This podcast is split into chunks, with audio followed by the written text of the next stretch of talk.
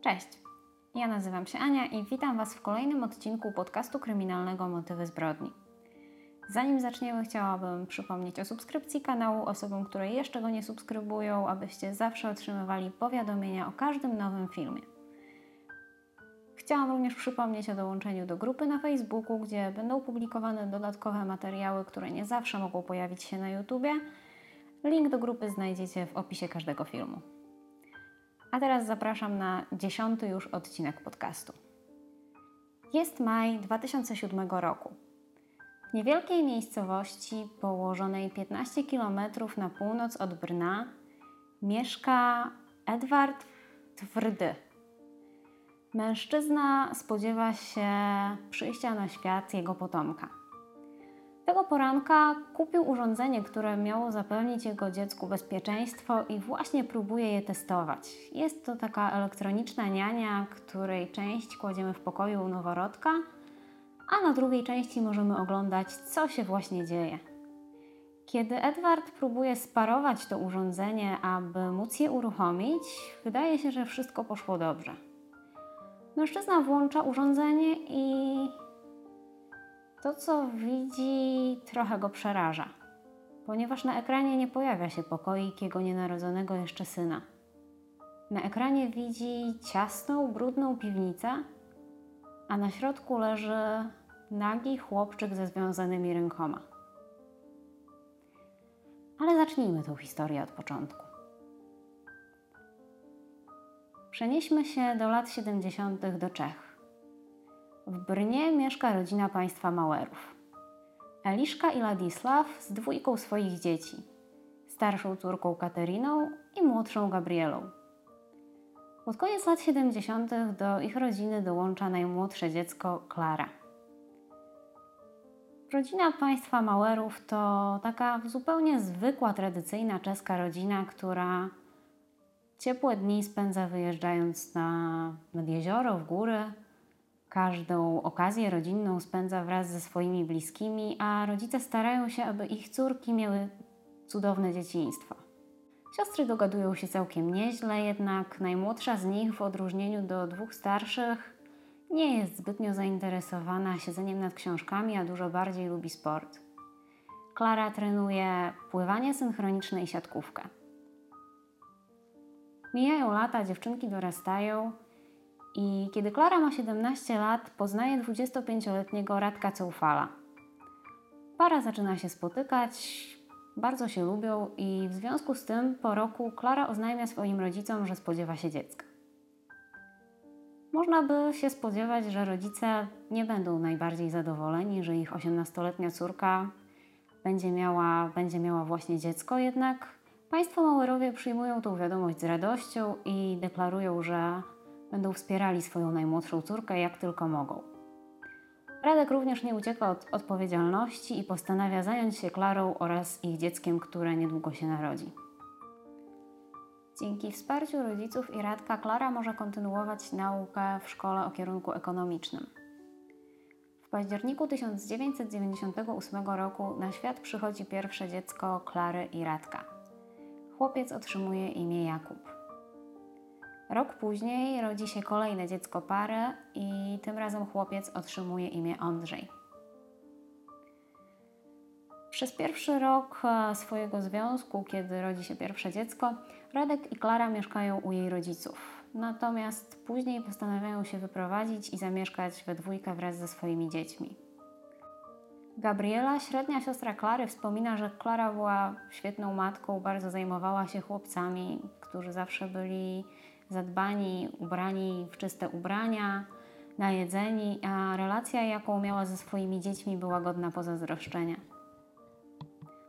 Jednak nie zawsze wszystko układa się bardzo kolorowo. Tak też było w związku Klary i Radka. W 2003 roku dochodzi do rozwodu, który mija dość delikatnie. Para uznaje, że nie są w stanie się dogadać i charaktery różnią się za bardzo i bez orzekania o winie rozstają się. Sąd orzeka, że dzieci zostają pod opieką swojej matki Klary, natomiast Radek może się z nimi widywać, kiedy tylko ma ochotę, oczywiście po wcześniejszym uzgodnieniu tego ze swoją byłą żoną. I tak też się dzieje. Radek bardzo mocno dba o to, aby kontakt z dziećmi był jak najlepszy. Zabiera chłopców na wyjazdy za miasto, zabiera ich na treningi i, i spotyka się z nimi tak często, jak tylko to możliwe. W 2004 roku Klara postanawia kontynuować edukację. Za namową swojej najstarszej siostry Kateryny postanawia rozpocząć studia na kierunku pedagogiki. Katerina w tym momencie taki kierunek ukończyła i obecnie pracuje w przedszkolu Promyczek. W 2005 roku, ku zaskoczeniu wszystkich e, członków rodziny, Klara rozpoczyna proces adopcyjny 13-letniej Aniczki. Rodzina dziewczyny jest zaskoczona, ponieważ Klara tak czy inaczej ma już pod opieką dwoje dzieci i jest samotną matką, do tego studiuje, pracuje, więc adopcja kolejnego dziecka nie jest ani trochę rozsądnym rozwiązaniem. Jedyną osobą, która wie trochę więcej na ten temat, jest jej najstarsza siostra Katerina. Co ciekawe, Anniczka nie jest zwykłym dzieckiem. Podejrzewa się u niej lekkie zaburzenia. Jest bardzo nieśmiała, bardzo trudno nawiązać z nią kontakt i absolutnie nie zachowuje się jak zwykła trzynastolatka. Klara bardzo mocno unika tematu dziewczynki, nie chce o niej opowiadać i jedyne co wszystkim mówi to taka krótka historia o tym, skąd Aniczka właściwie się wzięła. A mianowicie babcia Klary Gabrieli i Kateriny mieszkała w małej miejscowości przy granicy polsko-czeskiej. Tam też mieszkała Aniczka wraz ze swoimi rodzicami, którzy byli parą narkomanów. Pewnego dnia rodzice porzucili dziewczynkę, a babcia Klary postanowiła się nią zająć. Kiedy w 2004 roku staruszka umarła, Klara postanowiła, że teraz ona przejmie opiekę nad 13-letnią dziewczynką. W procesie adopcyjnym Aniczki Klarze pomagał niejaki Jakub Patocka. Poznała go przez e, Katerinę, która również brała czynny udział w tym procesie i pomagała swojej siostrze. Klara w trakcie procesu adopcyjnego zrezygnowała ze studiów na kierunku pedagogiki, ponieważ nie dawała sobie rady z opieką nad trójką już dzieci. Miała coraz mniej czasu, była coraz bardziej pozbawiona jakiejkolwiek energii życiowej i jeszcze bardziej ograniczała kontakt ze swoją rodziną i znajomymi. Kiedy tylko proces adopcyjny się skończył, Klara wraz z trójką swoich dzieci przeprowadza się do niewielkiego miasteczka na północ od Brna o nazwie Kurim. W miasteczku tym mieszka około 10 tysięcy ludzi. Jest to taka sielska miejscowość, takie prawie przedmieścia. Tam Klara wynajmuje szeregowiec i postanawia przez pewien czas tam mieszkać wraz z dwójką swoich synów oraz adoptowaną Aniczką.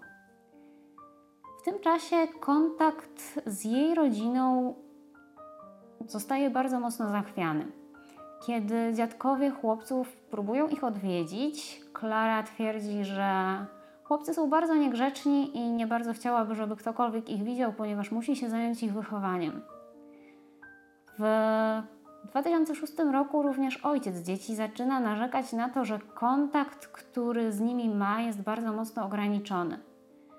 Na początku Klara nie pozwala mu spotykać się z chłopcami często, ogranicza te kontakty, natomiast pod koniec 2006 roku tych spotkań praktycznie nie ma w ogóle. Jedyną osobą, która w tym czasie ma świetny kontakt z Klarą, często bywa u niej w domu, jest jej najstarsza siostra Katerina. I w ten sposób dochodzimy do 7 maja 2007 roku kiedy to wspomniany już Edward Trwdy kupuje urządzenie, które ma zapewnić jego małemu dziecku, które właśnie przychodzi na świat, bezpieczeństwo. Około 10 rano mężczyzna testuje nowe urządzenie, łączy je, włącza je po raz pierwszy i na ekranie widzi obraz zupełnie inny od tego, który spodziewałby się zobaczyć. Nie widzi tam pokoiku swojego małego dziecka, natomiast widzi brudną, ciasną piwnicę, widzi kilkuletniego chłopca, który jest związany i leży w tej piwnicy zupełnie nagi.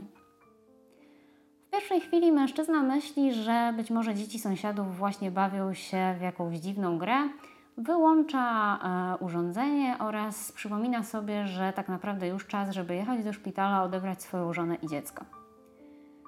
Jadąc do szpitala jest szczęśliwy, cieszy się, zapomina o sytuacji. Natomiast kiedy wraca do domu i włącza urządzenie ponownie, aby sprawdzić, czy już wszystko jest w porządku, widzi bardzo podobny obraz. Znowu widzi piwnicę, znowu widzi chłopca, tylko tym razem widzi jeszcze rękę kobiety, która rzuca na podłogę jedzenie, mówiąc, że ryj. Tym momencie mężczyzna jest wstrząśnięty i zdaje sobie sprawę, że to już nie jest niewinna zabawa dzieci, prawdopodobnie nie była.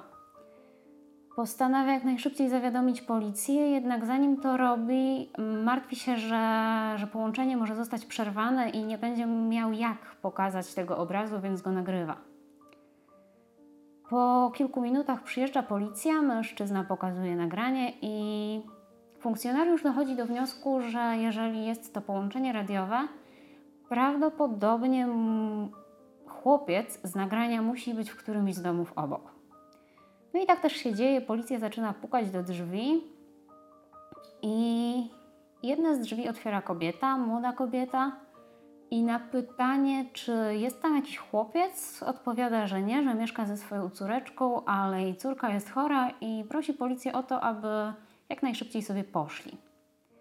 Policjant wraca do domu Edwarda i ten mówi, że mając włączone to urządzenie, słyszał całą rozmowę i, i to prawdopodobnie tamten dom, gdzie chłopiec jest przetrzymywany. Policja wraca do domu Klary Mauerowej i tym razem wchodzi do środka.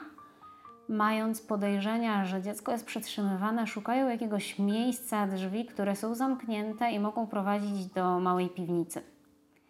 Obok schodów, tak właściwie pod schodami, widzą takie drzwi. A drzwi są zamknięte na kłódkę i Klara zapytana o to, dokąd te drzwi prowadzą, a mówi, że nigdy się nie interesowała, drzwi były zamknięte od kiedy wprowadziła się do, do tego domu i właściciel coś tam przechowuje. Zdenerwowana Klara twierdziła, że nie posiada kluczy do kłódki w drzwiach, a Potem, jak policja zadzwoniła po straż pożarną, aby ci otworzyli drzwi, Klara zaczęła dzwonić do swojej siostry Kateriny, aby ta jak najszybciej przyjechała. Kiedy policja czekała na straż pożarną, z góry zbiegła rozhisteryzowana Aniczka, zaczęła zasłaniać swoim ciałem drzwi, zaczęła krzyczeć, gryźć i drapać każdego, kto próbował się do niej zbliżyć. Jednak policja musiała, musiała siłą zabrać dziewczynkę, aby pozwolić straży pożarnej działać. W tym momencie udało się otworzyć drzwi i kiedy można było wejść do środka, policjantów i strażaków uderzył przeraźliwy smród. Śmierdziało wymiocinami, zepsutym jedzeniem i uryną. A na środku niewielkiego pomieszczenia leżał mały, przestraszony chłopiec. Kiedy dziecko zostało uwolnione i zajęli się nim e, ludzie z pogotowia ratunkowego, przyszedł policyjny fotograf, który zaczął robić zdjęcia miejsca, gdzie dziecko było przetrzymywane. I co wszystkich bardzo mocno wcisnęło za serce, to fakt, że kiedy tylko aparat został skierowany na twarz chłopca, ten się uśmiechał, jakby był wytrenowany, wytresowany. Wszyscy chcieli się dowiedzieć, o co tak naprawdę chodzi, i policja zaczęła zadawać pytania Klarze Mauerowej. Ta tylko powiedziała, że jest to jej młodszy syn Andrzej, i nie udało się od niej wyciągnąć żadnych innych informacji. Kiedy na miejsce przybyła jej starsza siostra Katerina, stwierdziła, że chłopiec został zamknięty tam na własne życzenie, dlatego że chciał się bawić w Harry'ego Pottera, a to pomieszczenie było pod schodami. Dziecko zostało przewiezione do szpitala, gdzie zostało zbadane i miało spędzić noc. Chłopiec nie bał się ratowników medycznych, co było dla wszystkich dość, dość dziwne po tym, co przeszedł. Natomiast kiedy nadszedł wieczór i pielęgniarki chciały położyć chłopca spać, zaczęło zaczął zachowywać się dziwnie, zaczął krzyczeć, płakać. Bał się obrazów, które wisiały na ścianach, a kiedy pielęgniarki je zdjęły, chłopca to absolutnie nie uspokoiło. Prosił, żeby go zabić. W tym samym czasie jego starszy brat Jakub został e, odebrany ze szkoły bądź też przedszkola. Tutaj nie znalazłam dokładnych informacji. I został przewieziony do ośrodka opiekuńczego. Tam też dziecko zostało zbadane. Okazało się, że na ciele ma podobne blizny do blizn, które były u jego brata, u jego młodszego brata. A mianowicie starszy i młodszy chłopiec mieli podłużne blizny na rękach oraz białe ślady w okolicach krocza. Do tego młodszy, ten przetrzymywany w piwnicy, miał dość sporą bliznę na jednym pośladku. Kiedy policja próbowała rozmawiać ze starszym chłopcem Jakubem i pytać go o to, skąd te blizny się wzięły, chłopiec na początku mówił, że blizny na rękach były od drucianej szczotki, a te w okolicy krocza od tego, że pogryzły ich szerszenie. Nikt oczywiście w to nie uwierzył i próbowano z chłopcem rozmawiać więcej i, i trochę bardziej go do siebie przekonać, bo dziecko było bardzo przestraszone. I w trakcie dalszych przesłuchań wyszło na jaw, że podłużne blizny na rękach zostały dzieciom zadane przez matkę, która dźgała ich widelcem, natomiast e, blizny w okolicach krocza zostały po tym, jak Klara przypalała ich papierosami. Co ciekawe, Klara nie paliła papierosów, kupowała je specjalnie po to, aby torturować swoje dzieci. Tego samego dnia, kiedy w ośrodku opiekuńczym pojawił się Jakub, a przyjechała tam również Aniczka. Dziewczynka została przywieziona przez Katerinę, starszą siostrę Klary oraz Jakuba Patockę, tego, który brał udział w jej adopcji. Zostało wydane pozwolenie na to, aby Katerina mogła zostać z dziewczynką aż ta uśnie i żeby mogła być z nią w stałym kontakcie. Aniczka nie wchodziła w żaden kontakt ze swoimi braćmi, chociaż ci jej pomachali, próbowali z nią rozmawiać, ona się nie odzywała. Nie odzywała się kompletnie do nikogo, chowała się za dużym pluszowym misiem, nie chciała dać się zbadać. I kiedy wpadła w histerię, kiedy lekarze próbowali ją zbadać, ktoś dał jej kredki. Co ciekawe, dziewczynka zaczęła rysować. Natomiast to, co powstało na kartce, ani trochę nie przypominało obrazka, który mogłaby wykonać 13-letnia dziewczynka. Były tam bryły i skomplikowane matematyczne obliczenia. Mm, lekarze uznali, że skoro dziewczynka jest autystyczna, być może ma jakieś umiejętności trochę, trochę większe niż dzieci w jej wieku i nikt się tym nie przejął jakoś bardzo. Tej samej nocy 13-letnia Aniczka uciekła przez otwarte okno i ślad po niej zaginął. Podczas przesłuchania Jakuba i Andreja policja chciała się dowiedzieć także, czy ktoś jeszcze był zamieszany w tę sprawę. Chłopcy wymienili jeszcze jedną osobę, ciocię Nancy, a jej prawdziwe imię i nazwisko brzmi Hanna Basowa. I osoba ta była przyjaciółką Kateriny, pracownicą przedszkola Promyczek oraz pracownikiem społecznym. Chłopcy twierdzili, że kobieta zamykała ich w osobnym pomieszczeniu w przedszkolu, do którego uczęszczali i pilnowała ich tam oraz przynosiła inne jedzenie niż dla pozostałych dzieci. Katerina, Klara oraz Hanna zostały zatrzymane. Katerina oraz Klara zostały aresztowane na dłużej, ponieważ było dość dużo dowodów przeciwko nim, natomiast Hanna Basowa przyznała, do tego, że fakt, przyznała się do tego, że faktycznie raz czy dwa mogła zamknąć chłopców za karę, ale cała reszta oskarżeń skierowanych w jej stronę to, to prawdopodobnie jakieś bzdury, które chłopcy wymyślili. Nie było też zbyt wielu dowodów, więc pozwolono kobiecie opuścić policję.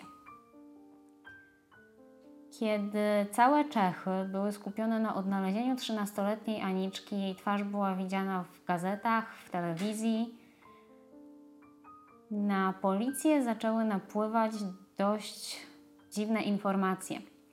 A mianowicie nie otrzymano informacji, gdzie może znajdować się Aniczka, natomiast otrzymano informację, że ktoś zna osobę ze zdjęć, znają kilka osób, jednak to nie jest Aniczka i nie ma 13 lat. E, osoby zapytane o to, kim jest Aniczka w takim razie, stwierdziły, że faktycznie znają taką osobę, natomiast jest to 32-letnia Barbara Skrylowa. Kobieta studiowała pedagogikę wraz z Kateriną oraz później pracowała z nią w przedszkolu Promyczek. Kobieta ze zdjęcia oraz 13-letnia Aniczka troszeczkę się od siebie różniły, a mianowicie zdjęcia, które pokazano na policji, które świadczyły o tym, że jest to ta sama osoba, ukazywały osobę, która miała dość dużą nadwagę. Natomiast Aniczka była wychudzonym dzieckiem, które wyglądało na faktycznie te 13 lat. Zdjęcia zresztą będziecie mogli zobaczyć na grupie.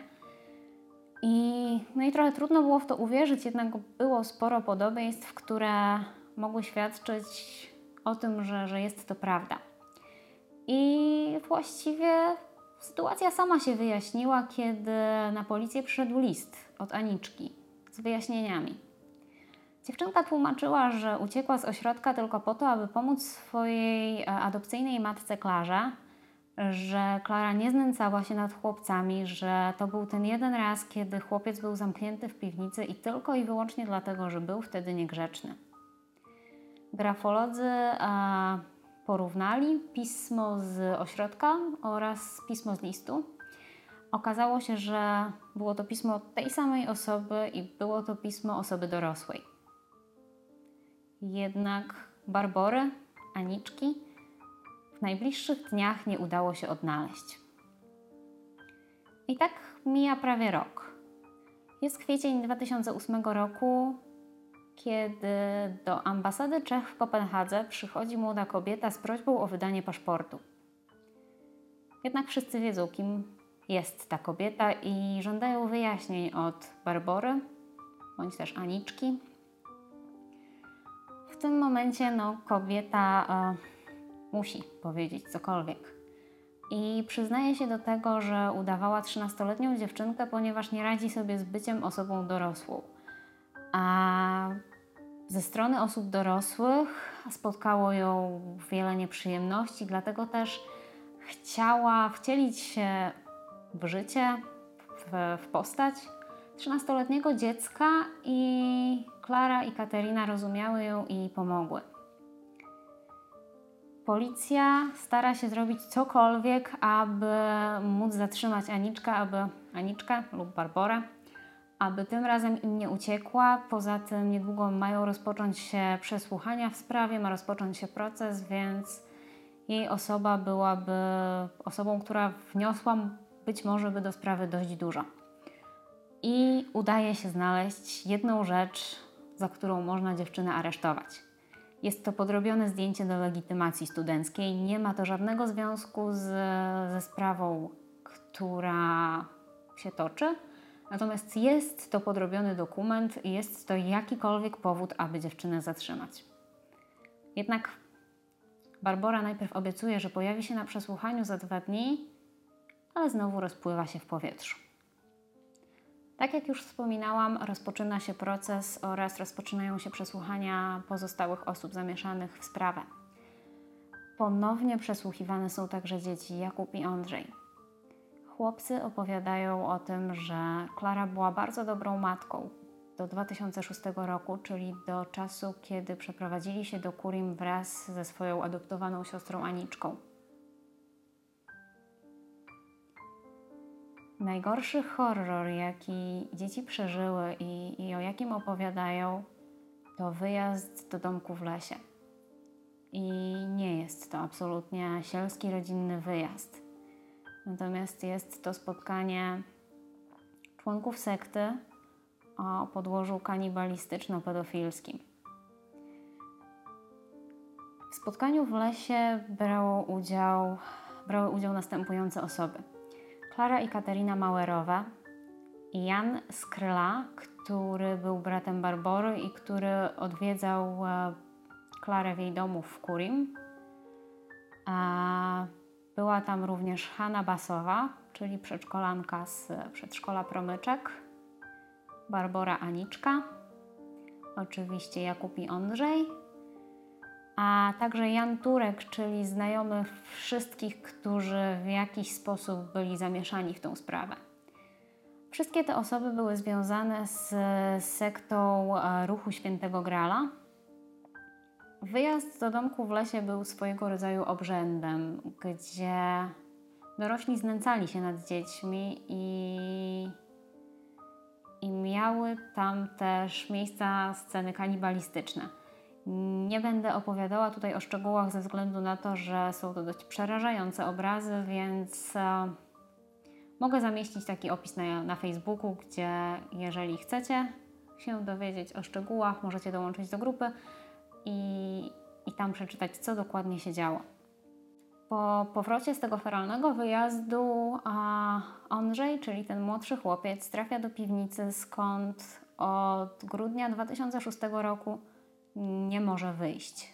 Spędza tam praktycznie każdy dzień i nie jest stamtąd wypuszczany. Natomiast starszy chłopiec może jeszcze w tym czasie chodzić do szkoły, jednak ma zakaz uczestniczenia w niektórych zajęciach. A nie wspomniałam wcześniej o tym, że młodszy chłopiec nie chodzi do szkoły ze względu na to, że matka powiedziała w szkole, że chłopiec jest głuchoniemy, co oczywiście było nieprawdą i ona zajmie się jego edukacją w domu. Dlatego też nikt tutaj e, ze szkoły nie, nie zainteresował się, dlaczego dziecka nie ma. W mediach wrzało. Wszyscy szukali motywu, powodu. Chcieli się dowiedzieć, dlaczego sytuacja, dlaczego doszło do takiej sytuacji i co było powodem tego, że kobieta znęcała się nad dziećmi do tego stopnia.